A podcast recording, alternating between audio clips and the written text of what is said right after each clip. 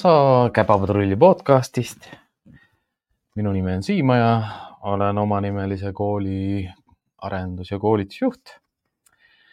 ja tänase osa teemaks on siis jah see, et miks koerad tuppa pissivad mm,. kirjutasin enda jaoks üles lihtsalt nagu, et oma mõtet nagu hoida ühel joonel neliteist erinevat põhjust, miks koerad võivad tuppa pissida. ja alustangi, alustangi kõige algusest. ja siis lõpupoole lähengi rohkem selliste asjade juurde nagu, mis on, mis on lihtsamad, võib-olla mitte nii lihtsad, aga sellised lihtsamad põhjused. et kust üldse nagu no noh, räägime natukene sellest ka nagu, et mis see koera anatoomia on ja miks need põhjused on, miks võib-olla aeg-ajalt võivad need pissid ja kakad tulla natuke lihtsamalt kui mõnel teisel ajal. ja noh, alguses tulebki meeles pidada seda, et ma lähen kutsikast peale nagu teele. et eh, koerte arengus on selline periood, kui nad on sündinud, see on prenatal ehk siis pärast sündi selline periood, kui nad on eh, paari sündides kohe alguses nad ei pissi ega kaka, ehk siis nagu nende keha ei suuda ise veel väljutada ei, ei uriini ega, ega fekaali. ja sellel algusajal nende ema aitab neil pissimise ja kakamisega, ehk siis ta peab neid stimuleerima lakkudes. et tõenäoliselt paljudel inimestel ei ole sellist õnne, noh, mõtlen ikkagi õnne, mina, mina juba väikse lapsena sain olla koera sünnituse juures, oma sõbra emase koera sünnituse juures ja ega sellel ajal sai, noh, kui sa ei ole teadlik, siis sa ei jälgi selliseid asju, et, et kuidas ta neid kutsikaid sealt nendest kotikestest välja närib ja, ja kuidas ta neid puhastab ja lakub ja, ja miks see oluline on. Loodus tegelikult on sättinud kõik niimoodi, et et see emase koera lakkumine nii käivitab hingamise, puhastab hingamisteed, elavdab kutsikat ja, ja, ja, ja mõjutab tema seede, seedekulglat ja kõike selliselt, et noh, sellele järgneb ka imetamine ja kõik siuksed asjad, mis on hästi instinktuaalsed koerale. ja mis selline tänuväärne tegu, mida kutsikate emad teevad, ongi see, et nad puhastavad oma kutsikaid alguses palju, nad äh, lakuvad neid. Nad äh, stimuleerivad seda, et, et äh, pissi ja kaka tuleks. ja nad söövad, noh, sõna otseses mõttes lakuvad ja söövad kõik ära, nad tarbivad ära lihtsalt selle, mis välja tuleb. aga seal toimub selline, noh, kutsikad arenevad edasi ja järgmine etapp on siis selline, kus kus äh, emane koer läheb, emane koer saab äh, imetamise ajal kogu aeg tegelikult kutsikatoitu, noh, see on tänapäeval rohkem selline aretuses nagu, et kui emased koerad jäävad tiineks, siis nad hakkavad sööma kohe kutsikatoitu, mis on kutsikale sobiv, sest see piim peab olema vitamiinirikas, see piim peab olema kasulik äh, kontidele, luudele, närvisüsteemile. ja kutsikad kutsikate ema tunneb, kui nad võivad hakata tahket toit, tahkemat toitu sööma. esialgu nad söövad ema poolt läbi näritud toitu ehk siis emane koer sööb sedasamat kutsika toitu. ja kui kutsikad lakuvad tema suud, siis, eh, siis ta oksendab toitu välja ja kutsikad saavad seda toitu sööma hakata. noh, pärast seda ongi see, et, et kutsikatel on seda väljaheidet rohkem. emane koer ei suudaks nagu oma sööki kogu aeg uuesti, uuesti ära süüa samat kogust ja ta varem või hiljem, kui kasvataja on hästi nagu organiseerinud ka selle arenguperioodi, siis äh, kutsika emal on võimalik kutsikaid pesast välja lükata või pesast välja tõsta. või on üldse erinevad nagu tasapinnad või on erinevad pinnad, ütleme lihtsalt, et ütleme, et muidu nad on teki peal, aga kui nad teki pealt ära lähevad, siis nad lähevad ajalehe peale, ajalehe peale on hea noh, neid hädasid koristada, kokku korjata siuksed suuremad kennelid ja spets-, spetsialistid ja eksperdid juba ütleme aretuse ajal, alal, neil võib olla eraldi majad, eraldi hooned, eraldi ruumid selleks, kus emaseid, emast koera koos kutsikatega hoida. sest noh, põhjused võivad olla veel selles, et kas on vaja isast eraldada või kui, kui pikk aeg on see, kui kutsikad on päeva jooksul koos isase koeraga, kas üldse? Ja, ja emane koer siis sisuliselt õpetabki tegelikult kutsikatele puhtust hoidma sellises kontekstis, et, et seal, kus me magame ja elame, sinna me ei pissi ega kaka ja me läheme alati sealt ära, kui meil on vaja ennast tühjendada. ja kui isegi juhtuvad õnnetused, siis emane koer puha, puhastab hästi korralikult ära, noh, nii hästi, kui ta suudab, sest koer ei taha magada musta koha peal ja, ja juba sellel ajal tegelikult on siis hästi selge see, et kutsikate sellist nagu pissimist ja kakamist tegelikult piirab ka liikumise piiramine. et tihtipeale need noh, niisugune hea emase koera pesa on selline, mis on natuke kõrgemate äärtega, kus see emane koer peab kutsikaid välja tõstma või ninaga lükkama. noh, see oleneb jälle koera tõu suurusest ja, ja see ongi sellepärast, et need kutsikad ei liiguks liiga palju ringi, sest kui nad ringi liiguvad, siis samamoodi nad tühjendavad ennast nagu üsna suvalistel aegadel. Sest algselt ei ole ka see kontroll nagu oma, oma lihast üle väga hea. ja pikapeale õpivadki kutsikad äh, koos emaga, koos emase koeraga koos, kuidas puhtust hoida, kuhu pissid teha, kui kaugele teha, kas peab pesast välja minema, kui kaugel peab minema ja emane koer ise reguleerib seda ja õpetab kutsikaid äh, instinktiivselt äh, puhtust hoidma. ja kuna kutsikad äh, kõige esimesena avanebki neil nina, et isegi siis, kui nad veel ei näe ja ei kuule, siis nad ninaga leiavad nii ema üles, nad leiavad nii emase tissi üle, kui leiavad ka selle koha üle ülesse, kus oma hädad teha. Kuigi jah, ütleme kahekümne esimeseks elupäevaks on neil juba nina, silmad ja kõrvad lahti, et selleks ajaks nad lähevadki alles tahke toidu peale üle ja siis nad äh, ka näevad, kuulevad ja tunnevad lõhna selles osas nagu, et kuhu pissida, kuhu minna, kus nad on. ja naturaalselt nagu nii-öelda kutsikad ja koerad hoiavad tegelikult puhtust öö, äh, oma pesas nüüd selle pesaga peabki seda silmas pidama, et, et meie inimeste eluruumid ja, ja majad on palju suuremad kui see pesa, kus kutsikad algselt õpivad nagu puhtust hoidma. Sest kutsikad äh, lähevad ka pesast järjest kaugemale, mida vanemaks nad saavad, nad lähevad järjest kaugemale, järjest kaugemale, järjest kaugemale. noh, te võite seda oma, noh, kellel on kutsik, kutsikas olnud, kes on koera kasva, kasvamist kõrvalt saanud jälgida, siis te teate ka, et kutsikas algselt, kui ta tuleb teie juurde, noh, ta võib olla juba tegelikult selline, issand jumal, kahe, noh, ütleme Soomest maksimaalselt vara sa saad kuskil kuuenädalaselt juba kutsika kätte, äärmisel juhul ütleme teenistuses või võistluste puhul, aga reeglina ikkagi kas siis kaheksanädalaselt või siis juba ütleme sellised Äh, noh, minu jaoks ikkagi nagu juba kanda kinnitanud kasvatajad äh, hoiavadki kutsikaid enda juures kuni poole aastaseni, et, et, et ta saaks oma nende emade-isadega palju, võimalikult kaua koos olla, et nad õpetaksid talle neid sotsiaalseid käitumismustreid võimalikult palju selgeks. et seal on ka palju tõenäolisem, et see kutsikas ei tooda talle tagasi, sellepärast et kutsikas kakab ja pissib tuppa. noh, nüüd need miinuskohad mis võivad ka osadel koertel olla, ongi see, et kui ta on liiga vara ema juurest ära võetud või kui ema on kutsikad hülganud ja emane koer ei ole kutsikaid õpetanud puhtust hoidma. noh, see on pigem niisugune harv, sest äh, üldjuhul äh, koer ka nii-öelda instinktiivselt hoiab puhtust, noh, enda all vähemalt.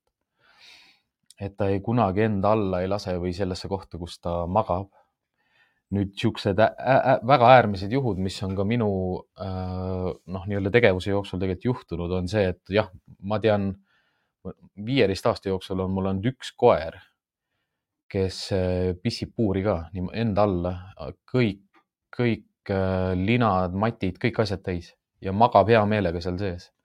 aga see on, see on väga äärmuslik ja tõenäoline põhjus on selles, et emane koer ei, ei olnud kutsikate juures päeva jooksul võib-olla ainult imetamise ajaks ja kui sedagi. ja see võib osade koertel olla nagu probleemiks lihtsalt see, et noh, minu jaoks on ka selline,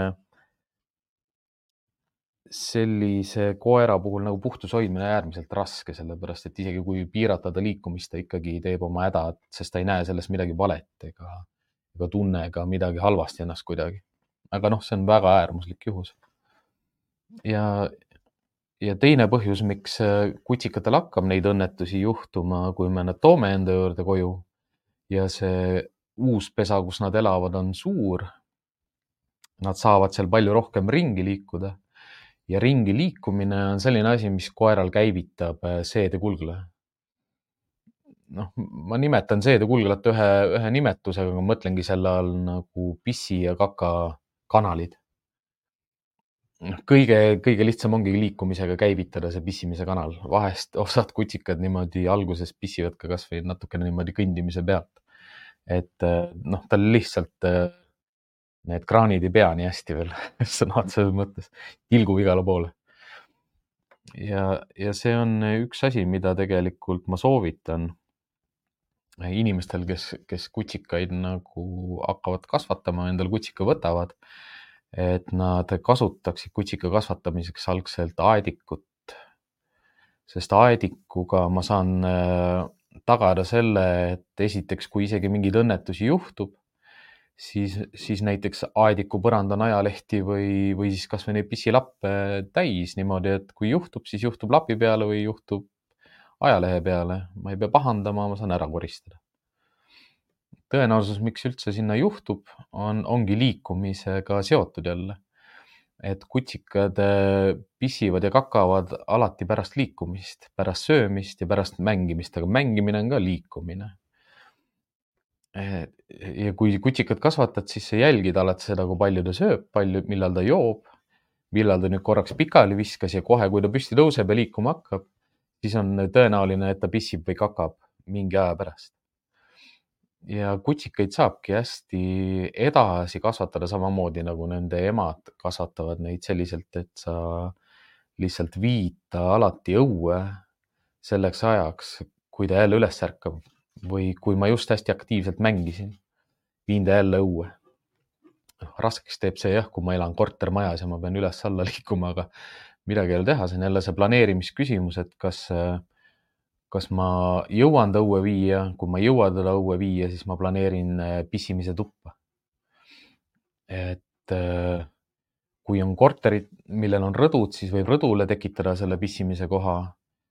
võib ka tuppa täiesti tekitada selle pissimise koha, aga see pissimise koht peab olema niisugune selge marker nagu koera jaoks, et kui sa seda tunned oma käppade all, siis siin on pissimise koht Äh, mina ise ostaksin sellise madalapõhjalise äh, anuma või kausi natuke suurema ja võtaksin õuest sinna ühe murulapi või siis juba istutaksin ette näiteks ühe murulapi selle poti sisse, kui mul oleks kutsikas, kes elab äh, aedikus, kui ta on veel väike ja õpib alles puhtust hoidma. ja hea on, kui, kui ta õpib juba nii-öelda muru või mulla peale pissima juba toas ka noh, teine variant on need pissilapid, mida saab poest osta ja need pissilappidega on, äh, ongi niisugune trikk, et tegelikult võiks selle lapiga püüda selle esimese pissi kasvõi õuest nagu kinni, et ma võtan lapi õue kaasa, kui ma näen, et koer on pissinud kuskile, siis ma korraks puudutan lihtsalt selle lapiga seda pissit. ja sellesama pissilõhna ma viin koos lapiga tuppa. ja iga kord, kui noh, see lapi ma jätaksin talle sinnasamasse aedikusse või kui ma aedikus ei taha kutsikat kasvatada, siis see lapp on kuskil tema elupiirkonnas ikkagi niimoodi, et ta ei saaks väga niimoodi ringi liikuda, et ma ei näe, kus ta on. ja kuna hästi oluline on see, et ta tunneks seda lõhna. ehk siis see reaktsioon, ütleme pissimise ja kakamise reaktsioon hästi avaldub ka hästi siis, kui ta tunneb seda lõhna, kui see lõhn on ees. ja ja teine asi, kuidas ma saan aidata kutsikat nagu õige koha peale pissima toas, on see, et kui ma näen, et ta hakkab nihelema või otsima ninaga seda kohta, siis ma tõstan ta lihtsalt sinna lapi juurde.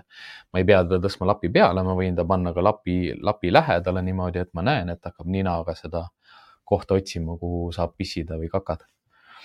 Nende lappidega on oluline jälgida seda, et need ei saaks väga mustaks, sest jälle seesama teema, et äh, koer ei pissi sinna, kus on, kus on juba must noh, nagu noh, must pissitud juba, juba kakatud.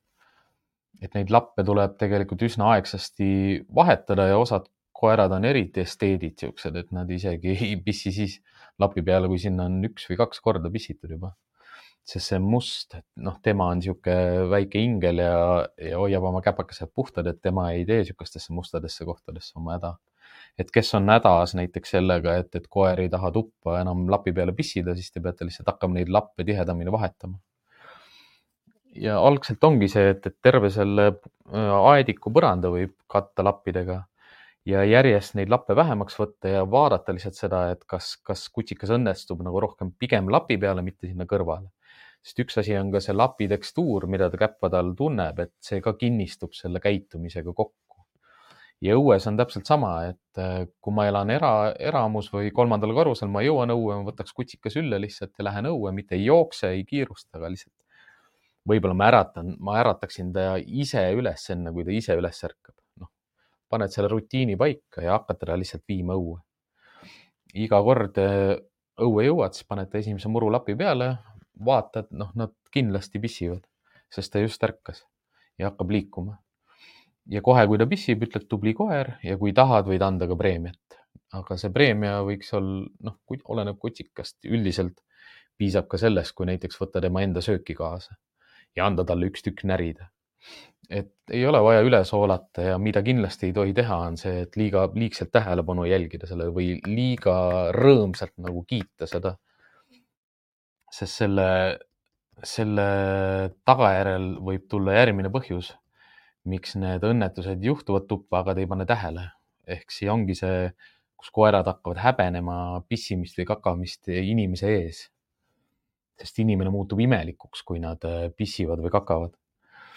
ja siis see tekitab sellise olukorra, kus te olete toas ja siis on see vaikus korraks, kui te koera ei näe ja võite kindlad olla, et ta on kuskil peidus ja teeb oma häda ja ta läks, läks teie eest peitu, sest ta ei taha, et te näeksite, kui ta pissib, sest te muutute imelikuks. noh, see on sihuke, ütleme, kutsika noore koera ja sellise teismeealise koera nagu mured rohkem. et osadel inimestel võib, võib olla nii, et, et enamus ajast koer suudab puhtust hoida, aga on aeg-ajalt sellised nagu õnnetused juhtuvad tuppa.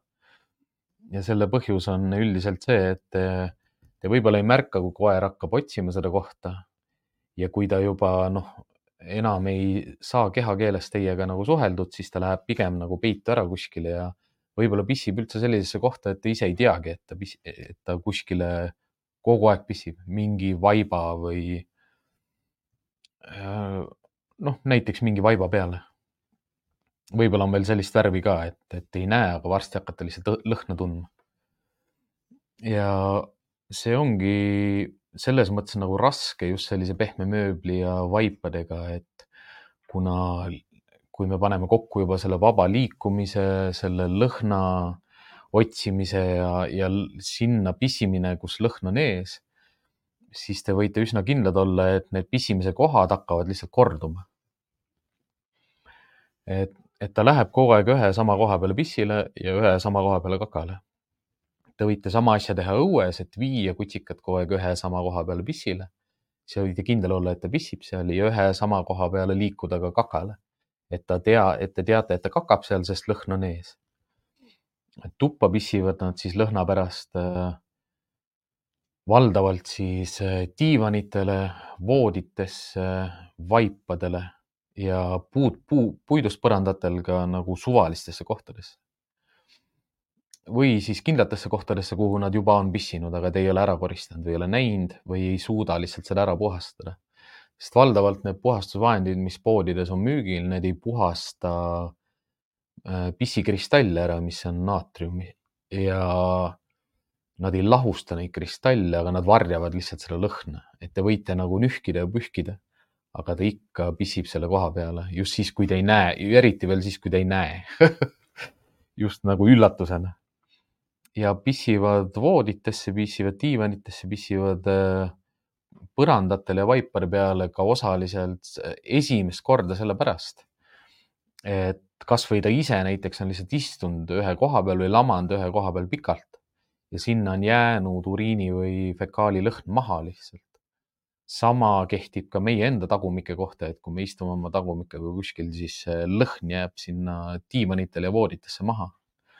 et äh, jah, ma tean palju neid lugusid nagu, kus, koer vaatab inimesele silma sisse samal ajal, kui ta on nende abieluvoodis ja, ja kuseb lihtsalt nagu silme all ja ei tee teist nägu ka. ja inimesed kõik arvavad, et, et see koer karistab, noh, maksab kätte või karistab neid millegi eest, mida nad tegid. aga nad ei tee, koerad ei karista kunagi. miks võib hakata selline käitumine korduma? on siis, kui te seda iga kord tähele panete ja näiteks isegi pahandate, siis ta võib uuesti minna sellesama koha peale pissile, sest ta ei saanud ikkagi aru, mida te rääkisite ja mida te ütlesite ja see käitumine kinnistub lihtsalt kasvõi sellepärast, et ta vähemalt saab tähelepanu selle eest. et kui ta muidu nagu väga palju sellist otsest kontakti ei ole, häälekat kontakti kasvõi, siis kui ta voodisse pissib, siis ta saab kontakti. noh, jälle need lahendused, mis on äh, ütleme just sellise mööbli ja, ja vaipade ja erinevate linade ja, ja padja, no mitte padja, noh, ütleme patjade ka, noh, patjade peale nad võivad pissida sellepärast, kui lihtsalt toidulõhnad on jäänud suust nagu vaiba külge. aga jah, ütleme tekikotid, linad, et neid on ka samamoodi hästi raske puhastada koera uriinilõhnast või koera uriinikristallidest. Et tihtipeale lahendus on see, et lihtsalt äh, need tuleb välja vahetada. Äh, ma ei ole kindel, et keemilised puhastused su suudavad seda lõhna sealt välja saada. ja reaalsed sellised lahendused võivad olla selle lõhna eemaldamisel see, et mööbel tuleb välja vahetada ja kui mööbel on välja vahetatud, siis tuleb juba hakata tegelema sellega, et, et jälgida seda, et, et koera pärast magamist alati õue viia. kutsika puhul ka pärast söömist või joomist. suuremad koerad juba pärast ärkamist alati. ja, ja noh, need asjad, mis põhjustavad veel sellist suurtel koertel ka pissimist, nendest ma räägin nüüd veel edaspidi ehk siis kutsikate ja koertega üldiselt on oluline see, et äh, aru saada sellest, et äh, liikumine paneb seedekulgla tööle, eriti kui ta veel täis on, noh, ta on joonud palju, ta on söönud palju. ja teine asi siis lõhn, mis on ees juba. koerale ei saa nagu seletada sõnadega, et, et, et ta ei, et ta ei teeks tuppa just sinna nurga peale, ära lase. aga ma saan lõhna puudumisega temaga suhelda, et sinna ei tehta. see ei aita, et sa surud oma koera nina sinna sisse või noh, miks ta ei aita, on sellepärast, et seda nimetatakse negatiivseks preemiaks, kui sa hoiad koera kinni nii kaua, kuni ta sööb ära ja siis lased lahti, siis ta saab preemia. ta võibki hakata kakat sööma ja teine asi, ta ikkagi ei õpi ära nagu. see tekitab ka seda, kus ta läheb peitu kakama ja pissima et nad ei pea kartma inimest. et pisimise ja kakamise lahendamisel tuleb alati silmas pidada seda, et koer ei ole süüdi selles, et ta pissis või kakas tuppa. Noh, mida, mida ma alati ütlengi, kõige lihtsama lahendusena ongi see, et, et kui koeral juhtuvad õnnetused tuppa, siis sellepärast, et uks oli kinni. noh, ta ei saanud õue minna ja keegi ei viinud teda õue. et äh, isegi sellised koerad, kes äh, muidu on äh, kümme aastat puhtust hoidnud, võivad ikkagi õnnetuse tuppa tuu-, noh ähm, jätta kui lihtsalt see aeg läheb üle, mis ta jõuab kinni hoida. et noh, mul endal kogemus ühe oma vanema koeraga, kes ükskord noh, lihtsalt jäi rohkem kui kaheteistkümneks tunniks äh, üksinda koju ja kui koju lõpuks jõudsime, siis köök oli kaetud. aga noh, jälle see, et, et ta valib isegi sellisel juhul nagu sellise koha, kus noh, vanem koer juba valis sellise koha, kus kõige rohkem kah-, noh, justkui nagu kahju oleks. Sest ta tegi köögilaua alla, kus oli üks jalg ja selle laua ja lauajala ümber ja peale, noh, laua alla pissis äh,. Aa, ja mul üks teenistuskoer kutsikana oli treileris ja ma jätsin talle joogikausi, sest ma teadsin, et ta peab vähemalt kümme tundi olema treileris üksi, sest lihtsalt tuli selline harjutus vahele, mis ma teadsin, et kestab kaua ja ma ei saa koera kaasa võtta. ta oli kuskil kaheksakuune ja kui ma tagasi tulin, siis ta oli kakanud sinna kaussi. Ehk siis noh, kas, kas kogemata, kas juhtus lihtsalt niimoodi, kas ta proovis võimalikult ukse lähedale kakada aga ta kakas kaussi, nii et mul oli lihtne puhastada seda. lihtsalt äh, viskasin kausi tühjaks ja pesin ära. aga olen näinud ka, kui ma hotellis töötasin Pet City's, seal on igal boksil on, on kaamerad kohal, et seal saab, seal oli väga hea koerte käitumist nagu jälgida erinevates kontekstides nagu see üksi jäämine, eraldumine, haukumise pikkus toidu, toidu roll tema ja territoriaalsus nagu kõike seda saad jälgida lihtsalt nagu otsevaates, pealtvaates, mida koer teeb, kuidas ta liigub, mida ta teeb. ja mul ei olnud hotellis tegelikult sellega üldse probleemi, et koerad oleks pissinud või kakanud boksidesse, sest noh, see, need boks ongi ju väike selleks, et ta ei liiguks. Ja kui kedagi seal ruumis kogu aeg ei saali, siis ta ju ka ise ei liigu ja ma lasin ka need kõikide bokside, muidu olid seal klaasid, kus nad nägid läbi teisi koeri, ma lasin need kinni äh, kleepida, et nad ei näeks teisi koeri, et nad saaksid rahulikumalt olla, et nad tunneks ennast turvalisemalt. ja mul ei olnud nagu muret sellega, et ma tulen hommikul tööle ja siis pean hakkama pissit ja kagat koristama. Siis oli, kui ma võtsin vahetust üle, ehk siis minu vahetus oli järgmine päev ma võtsin üle kellegi teise vahetuse. noh, keegi teine oli olnud varasemalt koertega päev läbi ja mina tulen hommikul ja noh, kahel-kolmel koeral on õnnetus juhtunud, aga mitte sellepärast, mida mina tegin, vaid sellepärast, mida keegi teine jättis tegemata. ja need asjad ongi lihtsad tegelikult, et äh, see joogikauss, selle võid alati õhtul juba varasemalt ära võtta maast, et ta ei jooks nii palju öösel liikumine oleks piiratud, et ta ei liiguks ringi öösel, siis ei hakka keha tööle. ja üks asi veel, mida ma hotellis kunagi ei teinud, ma ei andnud koertele kunagi konservi süüa. et kui mõni, mõni klient, kes praegu vaatab, kes teab, et ta koer oli sellel ajal Pet City hotellis, kui mina seal töötasin, siis Äh, kui need konservid ei ole siiamaani alles seal külmkapis, siis need võib-olla on nüüd tänaseks juba ära söödud.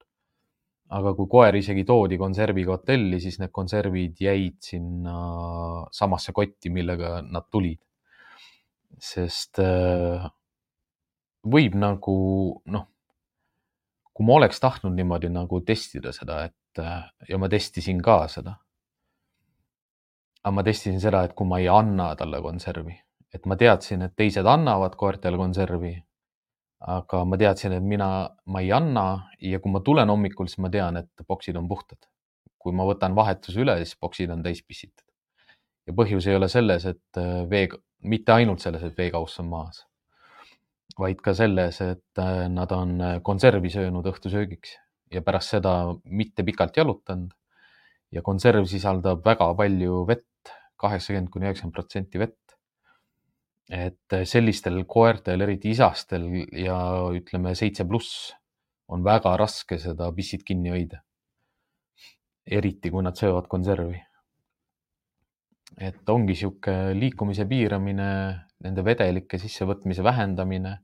Kui te annate ka vähem äh, maiuseid, siis osad maiused on väga soolased, siis koerad joovad lihtsalt rohkem ja seda tuleb lihtsalt jälgida. et enne magama jäämist äh, tuleb koertega minna õue just sellise sihiga, et ta kindlasti pissiks nagu võimalikult palju. ja öösel ma talle enam juua ei anna lihtsalt, noh, mina, mina hoian kõiki koeri puuris. öösel panen puuri, katan kinni, ma tean, et ta magab, ma tean, et ei ärata mind hommikul ülesse. ma tean, et tal ei ole pissihäda. ma tean, et kui ma ärkan ülesse ja ma teen puuri ukse lahti ja panen talle rihma kaela ja viin ta õue, siis ta pissib ja hakkab ja ma saan kiita teda selle eest, sest ta tegi midagi head. ja ma ei pea kunagi koera karistama ega teda keelama ega talle ei ütlema, sellepärast et ta, et ta eksis minu pärast. noh, kõige suurem selline error nagu, mis mul alati tekib, et kuidas sa karistad koera või, või pahandad või, või siis parandad koera selle eest, milles sina süüdi oled. Äh, järgmine põhjus, miks koerad võivad tuppa pissida, on lihtsalt liigne erutus. noh, seda on paljud kutsikaomanikud ja paljud rohkem kasvõi emaste koerte omanikud ilmselt äh, kogenud. ja ka väiksemate koerte kui kakskümmend viis kilo omanikud. ma võtsin lihtsalt sellise kilogrammi, sest nad tõenäoliselt on pisemad ja me kummardame hästi palju nende kohale. ja see liigne erutus pluss meie domineeriv kehakeel äh, paneb nad äh, alistuma. aga emased koerad teevad seda alistumispissit noh, palju rohkem kui isased koerad. mõned siuksed emased isased võivad ka seda palju teha, ütleme siuksed ebakindlamad ja naiselikumad isased koerad võivad ka sellest erutusest ja meie, meie kehakeelest, me oleme lihtsalt nii suured ja nende kohal, siis nad võivad ka sellest alistumisest ja erutusest pissida. Äh, nad pissivad ka hirmust, ehk siis ütleme, et see liigne erutus võib olla pissimise põhjus, ehk siis see, et kui ma tulen kogu aeg koju ja on kohe pidu, noh, sihuke hästi heledad hääled, hästi palju juttu, kutsikas ei suu-, noh, sa küsid, et saba, kuhu sa koera viid noh, ta on nii õnnelik ja see on lihtsalt erutusest, lihtsalt tuleb pissi, sellepärast et ta on nii,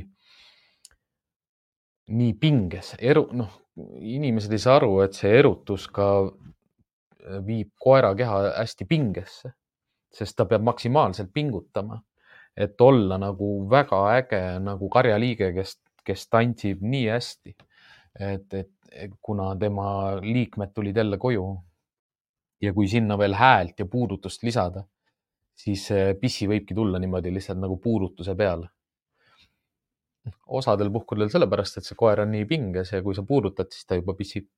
ja teiseks see, et äh, see domineerimine või see kehakeel, mida inimesed jagavad või ka käega lähed pea kohale. Äh, see tekitab tegelikult teatud hirmu või sellist alistumiskäitumist, millest, mille tõttu nad ka võivad pissida et äh, sellepärast ongi hea reegel nagu ei katsu, ei räägi, ei vaata. kui koju jõuad, oled võimalikult rahulikult, isegi kui need õnnetused või pissid juhtuvad, kui, kui sa siiamaani ei ole sellest kinni pidanud, siis sa lihtsalt äh, nendid seda fakti, et äh, see on minu süü. ma ei saa midagi teha. ma olen ise õpetanud koera erutuses pissima ja tänasest alates ma pean rahulikumalt võtma, nii et, et seda erutuspissit ei juhtuks ja noh, teine asi, hirm lihtsalt ütleme selline, me oleme kõrgemad koerad, me oleme üle koerte. Jack Russellid, vestid, Chihuahuad, kõik pisikesed koerad, kelle kohale me kummardame, noh, meestel on isegi rohkem seda probleemi.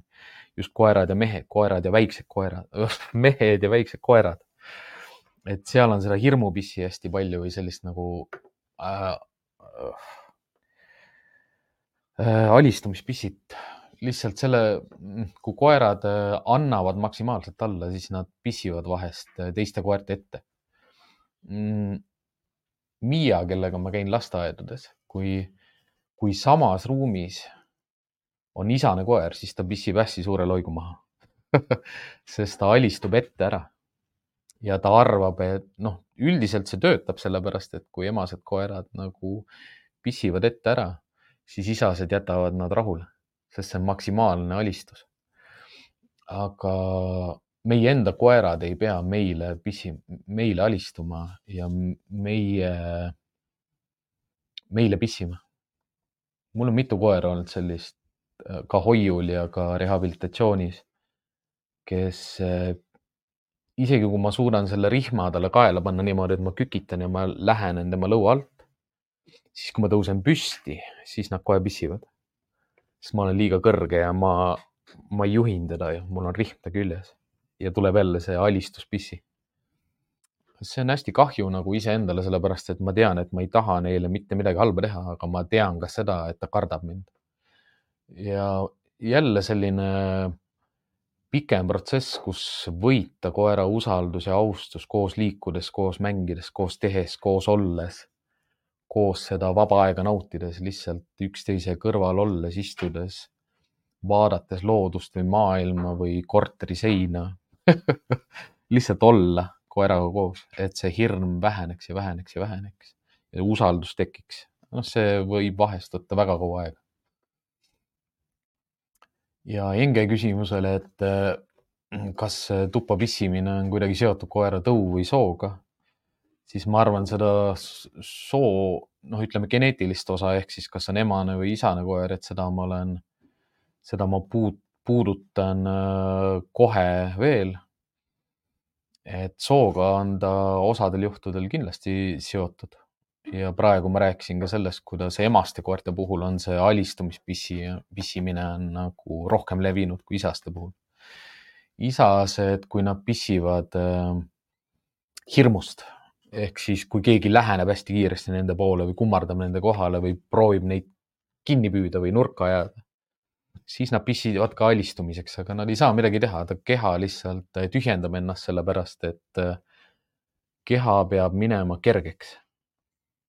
kui koeral on vaja põgeneda, ehk siis loomal on vaja põgeneda maksimaalselt kiiresti, siis ta peab tegema ennast kergeks ja halvimal juhul nad pissivad ja kakavad kõik kohad täis.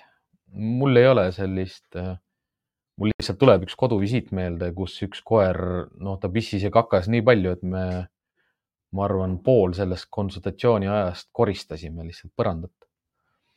Äh, see oli väga hirmul koer, no tänavakoer, aga ütlemegi mitte inimestega sotsialiseerunud ja ta kartis nagu igat liigutust, aga jälle see, et äh, kui vähe sa saad inimesena nagu liigutada, et koer ei, ei tunneks surmahirmu.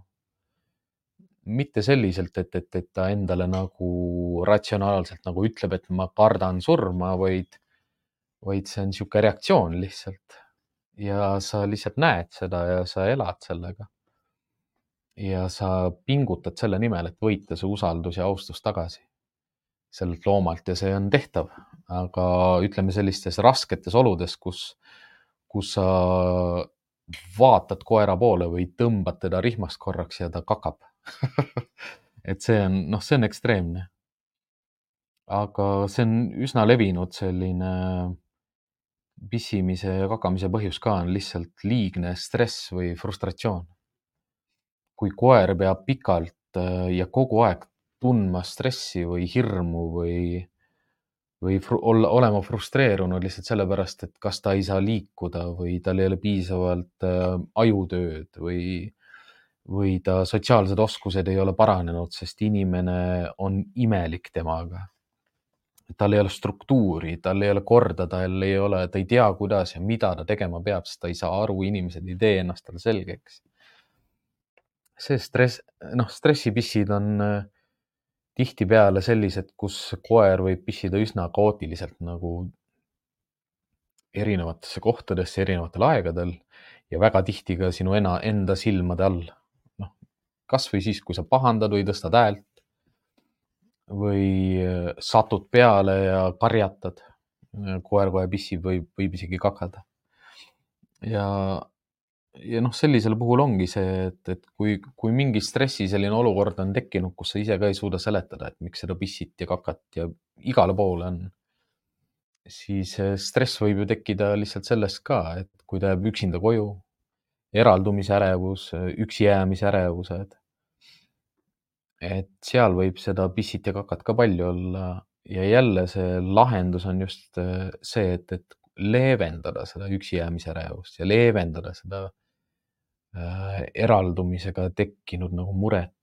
ütleme, need on kaks sellist kõige raskemat nagu käitumismuret, mida lahendada, sest nad on alati hästi individuaalsed ja spetsiifilised ja kohapõhised.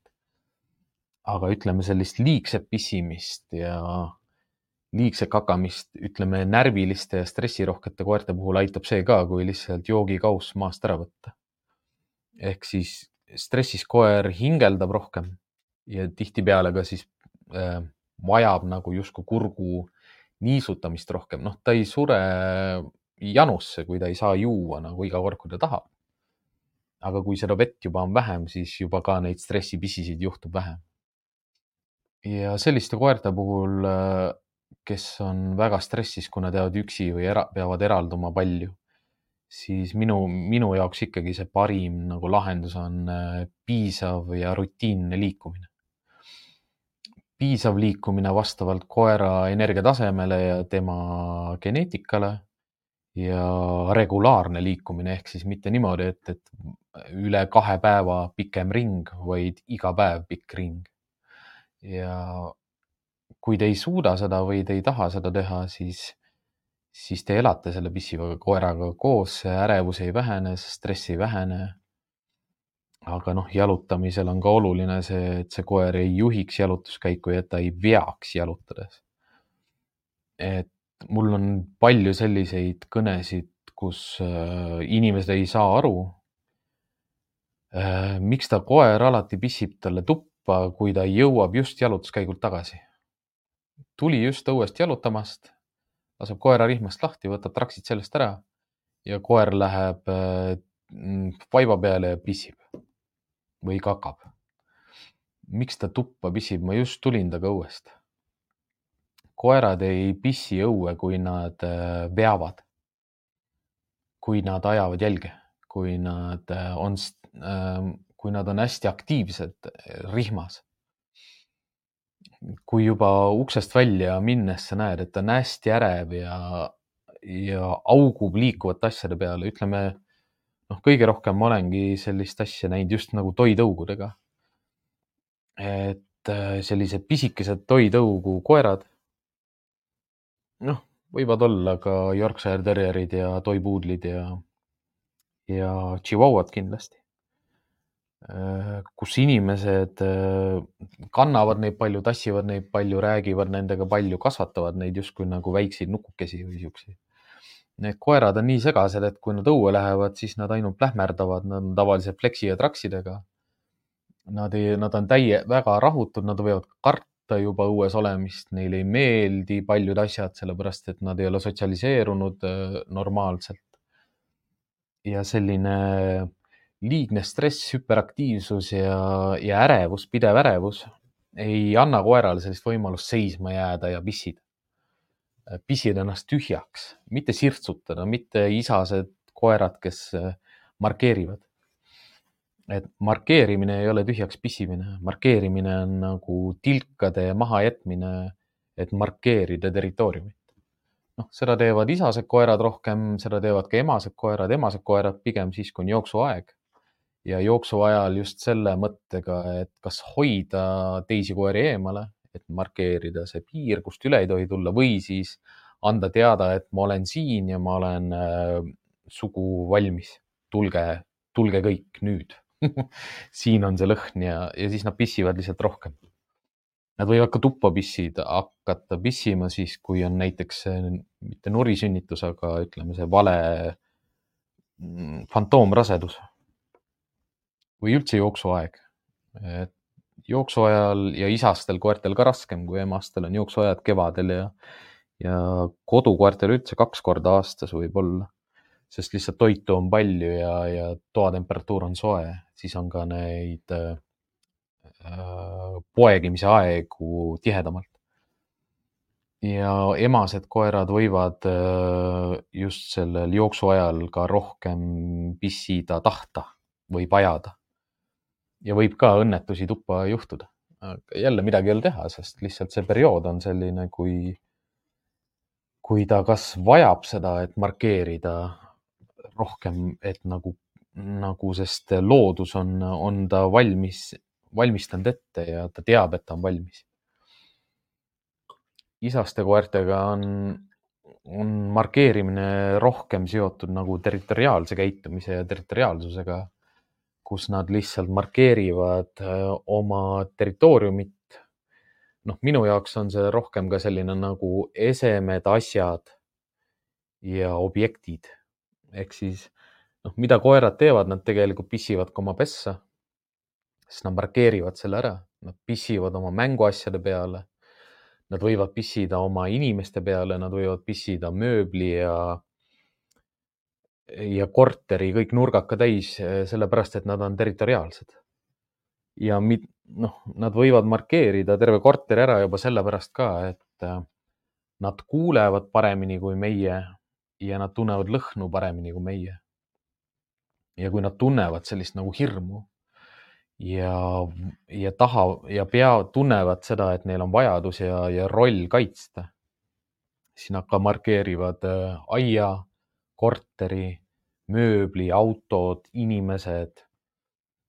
Äh, ühesõnaga asjad, mida nad omavad ja valvavad.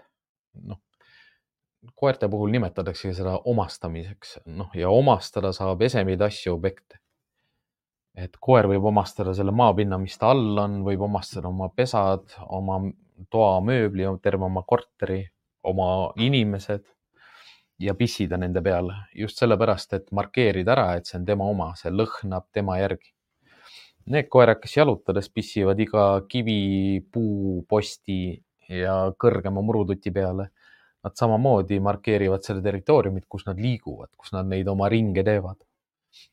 ja selle põhjus ongi see lihtsalt, et äh, sina, kes temaga jalutad, sina ei tee ju seda sa ei oma, sa ei oma seda korterit, sa ei oma neid toiduasju, mida, mida sa jagad talle lihtsalt, lihtsalt kätte. mänguasjad on laiali, pesasid on viis tükki.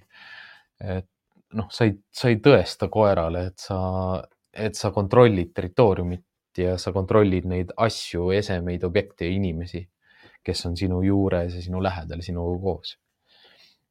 et seda territoriaalsust saabki vähendada sellega, kui sa juhid äh, rohkem koera elu, tutvustad talle piire, reegleid ja korda ja kes sina oled, et, et kui tubli sa oled, kui hästi sa liigud, kui rahulik sa oled, kui enesekindel sa oled, kui hästi sa olukordi lahendad. kui äh, aus sa oled, kui, äh, kui ustav sa oled, kui julge sa oled, kui kiire sa oled, kui enesekindel sa oled. et noh, kõikides asjades olla parem kui koer rahulikum kui koer, lahkem kui koer. tõestada seda koerale, siis tal ei ole vaja ka markeerida ei sind, asju ega territooriumit ega tuba või korterit, no mis on avatud planeeringuga. aga see on keset äh, aedlinna ja igal pool koerad hauguvad, mina ei kuule, aga tema kuuleb. ja ta on sihuke, sihuke isane koer, kes istub iga päev minu peal ja ma paitan teda selle eest et, et ta omab mind ja minu kodu. siis nad võivad ka rohkem pissida lihtsalt sellepärast, et äh, anda teistele teada, et see on tema oma. ja noh, vedamisest ma juba rääkisin, et äh, üldiselt vedades on koertel, osad koerad ei pissi üldse, kui vedu, kui nad veavad rihmas või traksides. ja hästi kihvtid on need koerad, keda noh, hotellis on seda palju, noh, mina ei jaluta ühegi koeraga, traksidega ja fleksiga. ja kui nad hakkavad kaelarihmaga jalutama, eriti lõdvarihmaga jalutama, siis nad äh, kakavad niimoodi, et nad liiguvad edasi noh, sest rihmapinget ei ole peal, tavaliselt fleksi hoiab natukene pinget tagasi ja nad vajutavad ennast sinna pinge sisse, aga siis, kui enam seda fleksi pinget ei ole, siis nad niimoodi vaikselt nagu liiguvad edasi, kui nad kakavad, sest nad on harjunud sellega, et pinge on peal. on olnud selliseid koeri ka, kes tõstavad jalga ja kukuvad pikali, sest nad on harjunud sellega, et kogu aeg pinge hoiab vastu. et see on niisugune naljakas jah, kui, kui koerad on selles vedamises nii, nii palju harjunud, et kui sa lõpuks saad nad nagu lõdarihmaga jalutama, siis, siis pisimise käitumises on ikka seesama, see harjumus sees, kus nad lihtsalt kukuvad pikali kui rihm ei hoia neid tagasi. ja noh, samamoodi pissivad ka selliselt, et liiguvad lihtsalt edasi, ei seisa paigal ja liiguvad edasi. ja samal ajal pis-, no, emased koerad teevad seda rohkem, et samal ajal pissivad, siis nad pissivad kükitades. et äh, üks võimalus, kuidas koera rohkem nagu pissist ja kakast tühjaks saada, on ka see, et ta ei pea rihmas ja suudab rahulikult liikuda eriti väikeste koerte puhul, et, et mu enda tempo, minu enda liikumise tempo ei ole nii kiire, et põhimõtteliselt ta kogu aeg jookseb mulle järgi või jookseb mu eest ära. et liikuda rahulikumalt ja anda talle neid võimalusi jääda täitsa seisma ja, ja oodata, et ta, et ta rahuneks maha, et ta hakkaks nuuskima ja et ta hakkaks pissile ja kakale ja toetabki see, et, et, et pissimine on ühe sama koha peal, kakamine on ühe sama koha peal kogu aeg viia koera ühte, ühe sama koha peale pissile, ühe sama koha peale kakale. noh, hea ju sisse töötada ka sellised kohad, kus ma ei pea ise ära koristama, sest äh, kaka kõduneb looduses üsna kiiresti, eriti kui vihmased ilmad veel. et äh, see ei tähenda, et see koer peab kakama sinna oma kaka otsa, aga ta kakab üsna oma eelmise kaka lähedale või oma pissi lähedale, mitte sinna peale no osad isased koerad pissivad iseenda pissit üle ka, aga see on juba selline ilmselge märk nagu liigsest stressist ja frustratsioonist. sest eh, ükski sotsiaalne, rahulik, tasakaalus isane koer ei pissi oma pissit üle, sest ta saab aru, et see on tema pissi siuksed närvilised stressis koerad, isased pissivad oma pissit üle. et noh, neid soo ja koeratõuga seotud äh, ära, iseärasusi pissimisest tuleb nagu sisse küll ja need suuremad pissijad ongi nagu terjerid, sest terjerid on äh, reeglina noh, terjeri, terjeri mõte üldse aretuses, ütleme ka, kui terjerit on Inglise Bulldogis või äh, Ameerika Staffordshire'i terjeris siis sees, siis see terjer on sinna sisse pandud just kiiruse pärast, mitte, mitte vastupidavuse pärast terjerid on kiired ja neile meeldib kiirustada, nende mõistus on kiire. isegi selle Prantsuse buldogi mõistus või, või, või siis Inglise bull, mitte Inglise buldoogi, aga noh, vahet ei ole. ühesõnaga kõik need lömininad, kelle, kes on pisikesed, kellel peab terjerid sees olema, muidu ta oleks väike. Jack Russellid ja York, Yorkshire terjerid ka täpselt samamoodi. Nendega on seda, seda liigse stressi pissimist rohkem kus nad pissivad iseenda pissid korduvalt üle. aga noh, ka see ei ole halb, sellepärast et mida rohkem ta tühjendab ennast õues, seda vähem tõenäoline on, et ta seda tuppa teeb. noh, üks, üks hea variant, kuidas pissimist vähendada, ongi joomise jälgimine, lihtsalt jälgime, jälgida seda, kui palju koer joob. osad koerad võivad olla sellised, et nad lihtsalt äh, kaanivad noh, sa, põhjus üldiselt on ikkagi see, et nad hingeldavad hästi palju ja nad ei suuda ennast jahutada. noh, siis tulebki vaadata seda, et see pesa, kus ta magab, ei oleks liiga soe.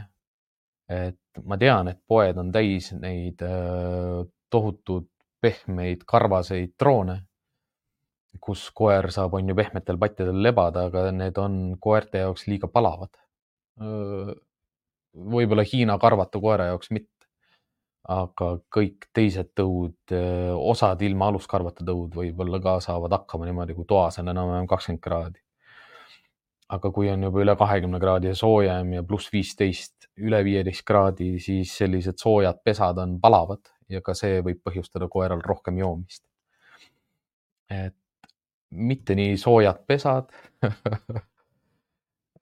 ja mitte liiga palavad või kuivad eluruumid mis põhjustavad koeral rohkem, lihtsalt kaanib ja joob hästi tihedalt. noh, hea, kui koer on elu jooksul õppinud ära selle, et ta peab istuma ukse juures ja, ja ootama või te, tegema häält või aug, augatama, et õue saada. aga see ei ole selline käitumine, mis kõikide koertega automaatselt välja tuleb. elu jooksul võib välja kujuneda, eriti hea ongi see, et kui kui kutsikad või koerad õpetada puhtust hoidma selliselt, et neil ei ole palju ruumi, kus liikuda ja kui nad juba õpivad ära selle, et nad peavad enda all puhtust hoidma, siis nad hakkavad ka paremini õue küsima.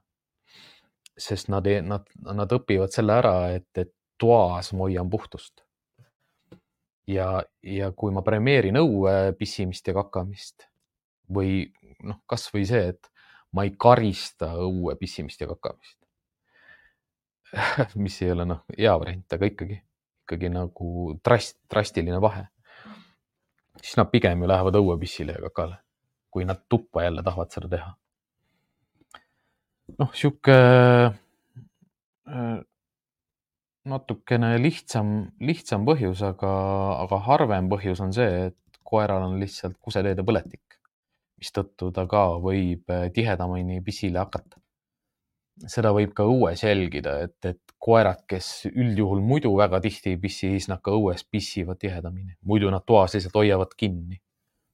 aga põletikuga tihtipeale ka lihtsalt äh, pissi võib lihtsalt lekkida, ehk siis kui koer istub ühe koha peal või lamab ühe koha peal, lihtsalt loigud jäävad maha. et põletik on selline, kuseteede põletik on selline põhjus, miks koerad võivad tihedamini pissima hakata ja võib ka tuppa juhtida õnnetusi ja kõige sihuke üldisem ja, ja laiapindsem põhjus ongi see, miks koerad tuppa pissivad või kakavad, on see, et uksed on kinni. ukse, uksi ei tehta lahti siis, kui on vaja teha. kutsikast alates kuni täiskasvanu koerani on äh, tuppa pissimise probleemi palju kasulikum ennetada, kui tegeleda nende tagajärgedega. sest tagajärjed on see, et sa ei suuda seda puhastada sa ei suuda muuta selle koera elukeskkonda, kuhu ta on juba õnnetusi teinud, kus see lõhn on ees ja kus see pilt ei saa selgeks, eriti tänapäeva avatud planeeringute juures, et et noh, osadesse korteritesse või majadesse lähed, siis vaatad, et see on sihuke, noh, kui see on pisikene koer, siis terve see korter on ju selle koera jaoks nagu, nagu suur hall. noh, kus ta peab saama aru, et kus siin pissitakse, kus siin magatakse, kus siin liikuda võib, kus siin vaba, vaba aeg on nagu, kus ma veedan, kus ma saan turvaliselt olla, kus on see nurk, kus ma olen kaitstud vähemalt kahest-kolmest nurgast, et ma ei pea kogu aeg olema valvel ja, ja jälgima, et jumala eest mitte midagi jälle ei hakka toimuma, sest tuul puhub või linnud kraaksuvad või koerad hauguvad õues või kassid mjauvad ukse taga või autod sõidavad kogu aeg mööda tänavat. et me ei kuule, aga koerad kuulevad ja me peame tekitama neile selliseid turvalisi kohti, kus rahulikult olla.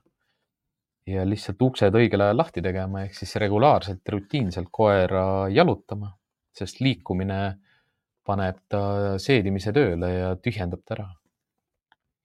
niisugused koerad, kes on hästi ärevad ja närvilised, noh, nendega tuleb lihtsalt rohkem ja pikemalt liikuda. Pissi saab enamjaolt üsna kergesti enamustelt koertelt kätte, kakaga on natukene raskem, aga kakaga on see ka, et stressis koeral võib olla ka selliseid lihtsalt seedimisraskusi. ja sellepärast äh, äh kakat ei tule sest kõht on kinni lihtsalt või, või pinges. nii, Engel on veel üks mõte. koeral on üpris kindel õues käimise režiim. Kui ta režiimi väliselt annab märku, et tahab õue saada, kas ootan õiget aega või lähen kohe.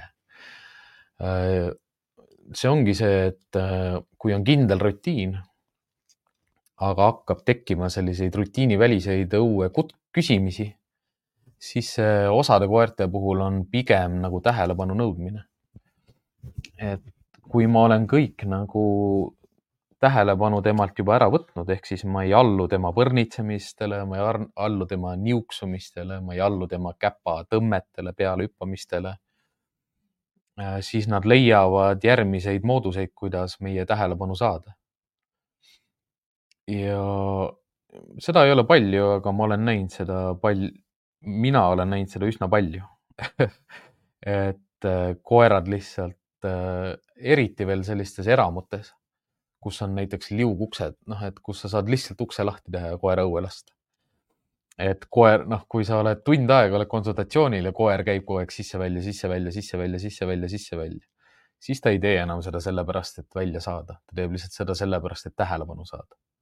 et keegi tõuseks püsti, et keegi liigutaks midagi et inimesed nagu jagaksid, noh, liiguksid ja annaksid talle tähelepanu või talle meeldib lihtsalt inimesi liigutada. Liigutada meeldivad neile inimesi sellepärast lihtsalt, et, et see on nende jaoks ka nagu mäng ja sotsiaalne suhtlus. et nad ei tee seda paha pärast.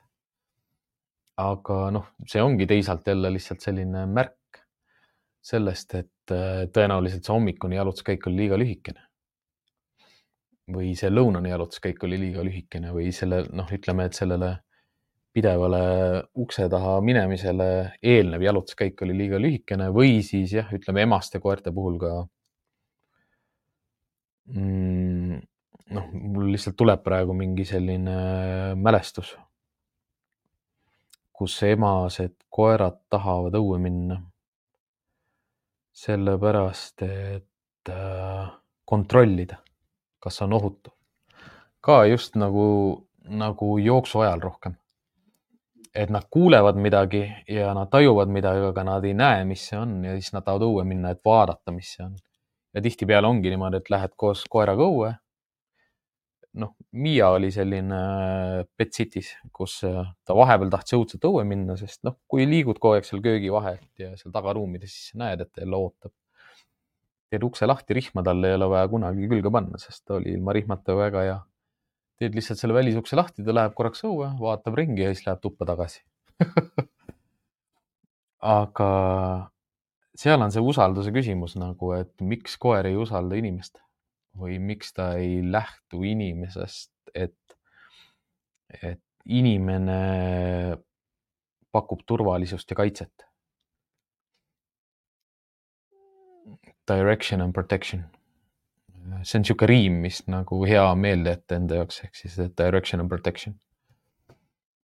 et inimene on see, kes pakub direction, juhendamist ja, ja kaitset. juhendab ja kaitseb ah.. jah, no ikka sama, tähelepanu küsimine. et kas sa ei kuule? No mul, see on spekulatsioon, aga see, ma lihtsalt äh, olen hästi elava ettekujutusega, et ja ma tean ju Noonat et tõenäoliselt ta kuuleb midagi, mida mina ei kuule ja ta annab märku lihtsalt, et kas sa ei kuule. tule koos minuga, lähme vaatame. et kui ma tean oma koera ja seda tema rutiini, siis ma tõlgendaksin seda selliselt, et see on rutiiniväline liikumine ja ta tõenäoliselt kuuleb midagi. ütleme, et noh, sellistel puhkudel on äh, emaseid koeri raske nagu rahustada, sest sa ei seleta koerale kuidagi ära, et kõik on korras. ja mida rohkem ma nagu proovin talle häälega nagu seletada seda, et ära muretse, et äh, kõik on korras seda ei saa teha ja teine asi, mida ei saa teha, ei saa alati käia jälle vaatamas, mida ta kuulis. sest muidu ta ei lõpeta seda käitumist ära. mida saab teha, on äh, õpetada koerale selgeks, mida tähendab mine oma koha peale ja lama. noh, ma ei ütleks talle lama käsklus, sest lama käsklus eeldaks minu, minu raamatus nagu seda, et ta püsib lama mis asendis nii kaua, kuni ma vabastan ta. muidu ei oleks üldse mõtet lamat nagu õpetada sellises kontekstis nagu käsklusena et rohkem see, et äh, mine oma koha peale. ta läheb oma koha peale ja läheb niikuinii lamama, sest noh, mida ta teeb, hüppab oma koha peal. et öelda talle midagi, mida teha selle asemel. Midagi sellist, millest ta saab aru ja mida ta teab. mitte niimoodi, et pahandan või hakkan äh, selgitama talle mingeid mingeid asju, mida ta tegema peab selle asemel, et, et äh, minu tähelepanu saada, et ma uksed lahti teeksin. kui ma tean, et millal ta sõi, mida, palju ta joonud on ja millal ta regulaarselt liigub. ja noh, vanema koera puhul ütleme kaks, kaks pool aastat. Noh, tegelikult isegi roh-, vähem, et siis poolteist, alates pooleteist, isegi varem, ütleme kaheksa kuuselt ma ikkagi juba teaksin, et ta suudab kinni hoida. ma tean, kui kaua ta suudab kinni hoida. ja ütleme, täiskasvanud koeral, noh, kahe, kahest poolest eluaastast raudselt ta suudab kaksteist tundi kinni hoida. et ta ei pea nii tihti õues käima. Äh, kui see on rutiiniväline. kui ma olen sellise kui ma olen sellise rutiini talle sisse õpetanud, et ma jalutan hommikul, ma jalutan lõuna ajal, ma jalutan õhtul, siis ma pean seda hoidma. seda muuta on raske, seda hoida tasub. kui äh, mina õpetan oma koertele äh, vähem, noh, siiani kõikidele oma koertele ikkagi selle rutiini, et hommikul jalutame ja õhtul jalutame. lõunast jalutuskäiku ei ole. Isegi kui ma töötaks kodukontoris tegelikult siis võib-olla isegi mitte, sest mulle õudselt meeldib koertega jalutada. noh, kui ma oleks kodune jah, ja elaks kodus või töötaks kodukontoris, siis ma jalutaksin hommikul pikalt, lõuna ajal laseks ta korraks välja ja õhtul jalutaksin äh, pikalt. see hommikune jalutuskäik oleks enne tööle minekut või siis ütleme, kodukontoris oleks ta kuskil kella üheksa, kümne ajal. sest jälle see, et ise õpetad selle rutiini, et millal see hommik on eriti kui sa saad koeri nagu puuri, puuriga hoida liikumast ära, noh, et ta ei liiguks. noh, ärkan võib-olla pool üheksa või üheksa, teen endale kohvi, söön võileiva ära, pesen hambad ära ja siis lähen koeraga jalutama. noh, ongi kuskil kell kümme. Mm, ja järgmine jalutuskäik, noh, kaks varianti, kas, kas on kell viis või või on vahepeal lõuna ajal väike, väike suts välja, et see oleneb nii palju koerast ja sellest, kus ma elan. või milline mu päevakava on, et kui ma ikkagi vahepeal tahan kaheksa tundi tööl olla, siis ma võin rahulikult kaheksa tundi tööl olla, et see ei ole koerale mingi mure. pigem ju see tähelepanu ja suhtluse küsimine tekibki siis, kui ma olen kodus ja ma vaatan koerale silma sisse või koer vaatab mind kogu, noh, enamuse ajast, kui me koos kodus oleme. üldiselt noh, koerad saavad hakkama väga hästi, kui kui me enne tööle minekut teeme nendega nelikümmend viis minutit ringi ja kui me õhtul koju tuleme, oleme ära söönud õhtusöögi ja lähme nendega jalutama. Noh, tegelikult võiks ennem jalutama minna, täiskõhuga on raskem jalutada. ja tagasi tulen, siis saab koer süüa ja, ja ma võin ta enne magama minemist korraks veel õue lasta, sest pärast söömist ta võib tahta ennast tühjendada. üldiselt jah täiskasvanud koera puhul võib arvestada sellega, et ta suudab, kaksteist tundi on üsna lagi, mis ta suudab kinni hoida, seda võiks hoida kuskil seal kaheksa-üheksa tunni peal maksimaalselt. Osade koerte puhul ka kümne tunni peal. aga see ongi see, et äh, oluline on kontrollida seda, et kui palju ta sööb ja joob. Mm, ja ongi siis nagu tänaseks ma arvan, üsna palju nagu neid põhjuseid läbi võetud ja, ja lahenduseks tihtipeale ongi nii liikumine kui liikumise piiramine kui ka uste avamine. Nende pissimisvõimaluste andmine, kasvõi toas. et huvitav ongi see, et, et kaks asja, mida kui alustad nagu käitumisspetsialistina, siis sa õpetad hästi palju seda kuidas koerad tuppa ei pissiks ja kuidas nad ikka voodis ja diivanitel ja mööblil ei käiks. aga mida rohkem aeg edasi läheb, siis sa tead seda, et, et sul tekib ka selliseid kliente, kes tahavad, et ta koer voodisse läheks, noh, tahavad, et ta koer voodisse läheks. Kuidas seda teha? noh, sellised trepid on ja väikestele koertele on igasugused sellised asjad olemas. ja tuppa pissimine on ka ju tegelikult selline valik valikuvajadus või võimalus. kui sa oskad koera õpetada tuppa pissima, siis loomulikult teedki seda. kui ma elaksin kaheteistkümnendal korrusel, siis ma kindlasti oma pisikese toipuudli õpetaksin lapi peale pissima. See ei tähenda, et ta ei oska õue pissida või et ta ei pissiks õue, kui ma lähen temaga jalutama ja keegi ei keela mul jalutama minna.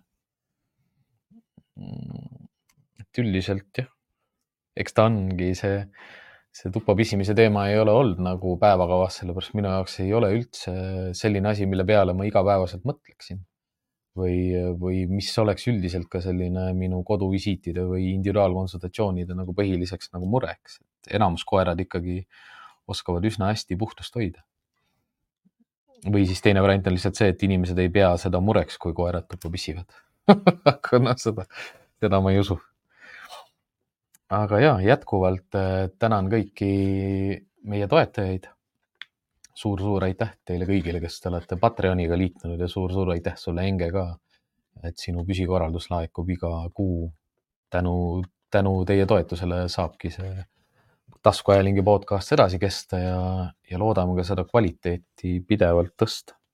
praegu on rohkem nagu sellises äh, olekus podcast, kus ma suudan lihtsalt kuludega nulli tulla. ja ka see on nagu täiesti piisav minu jaoks. et äh, kohtume teie kõigiga siis nädala aja pärast, kolmapäeval kell pool kaheksa õhtul. ja tuletan ikka ja jälle sedasamat tõdemust meelde, et teadmatus ei ole lollus. nii et tehke uksed lahti ja minge koertega jalutama head õhtut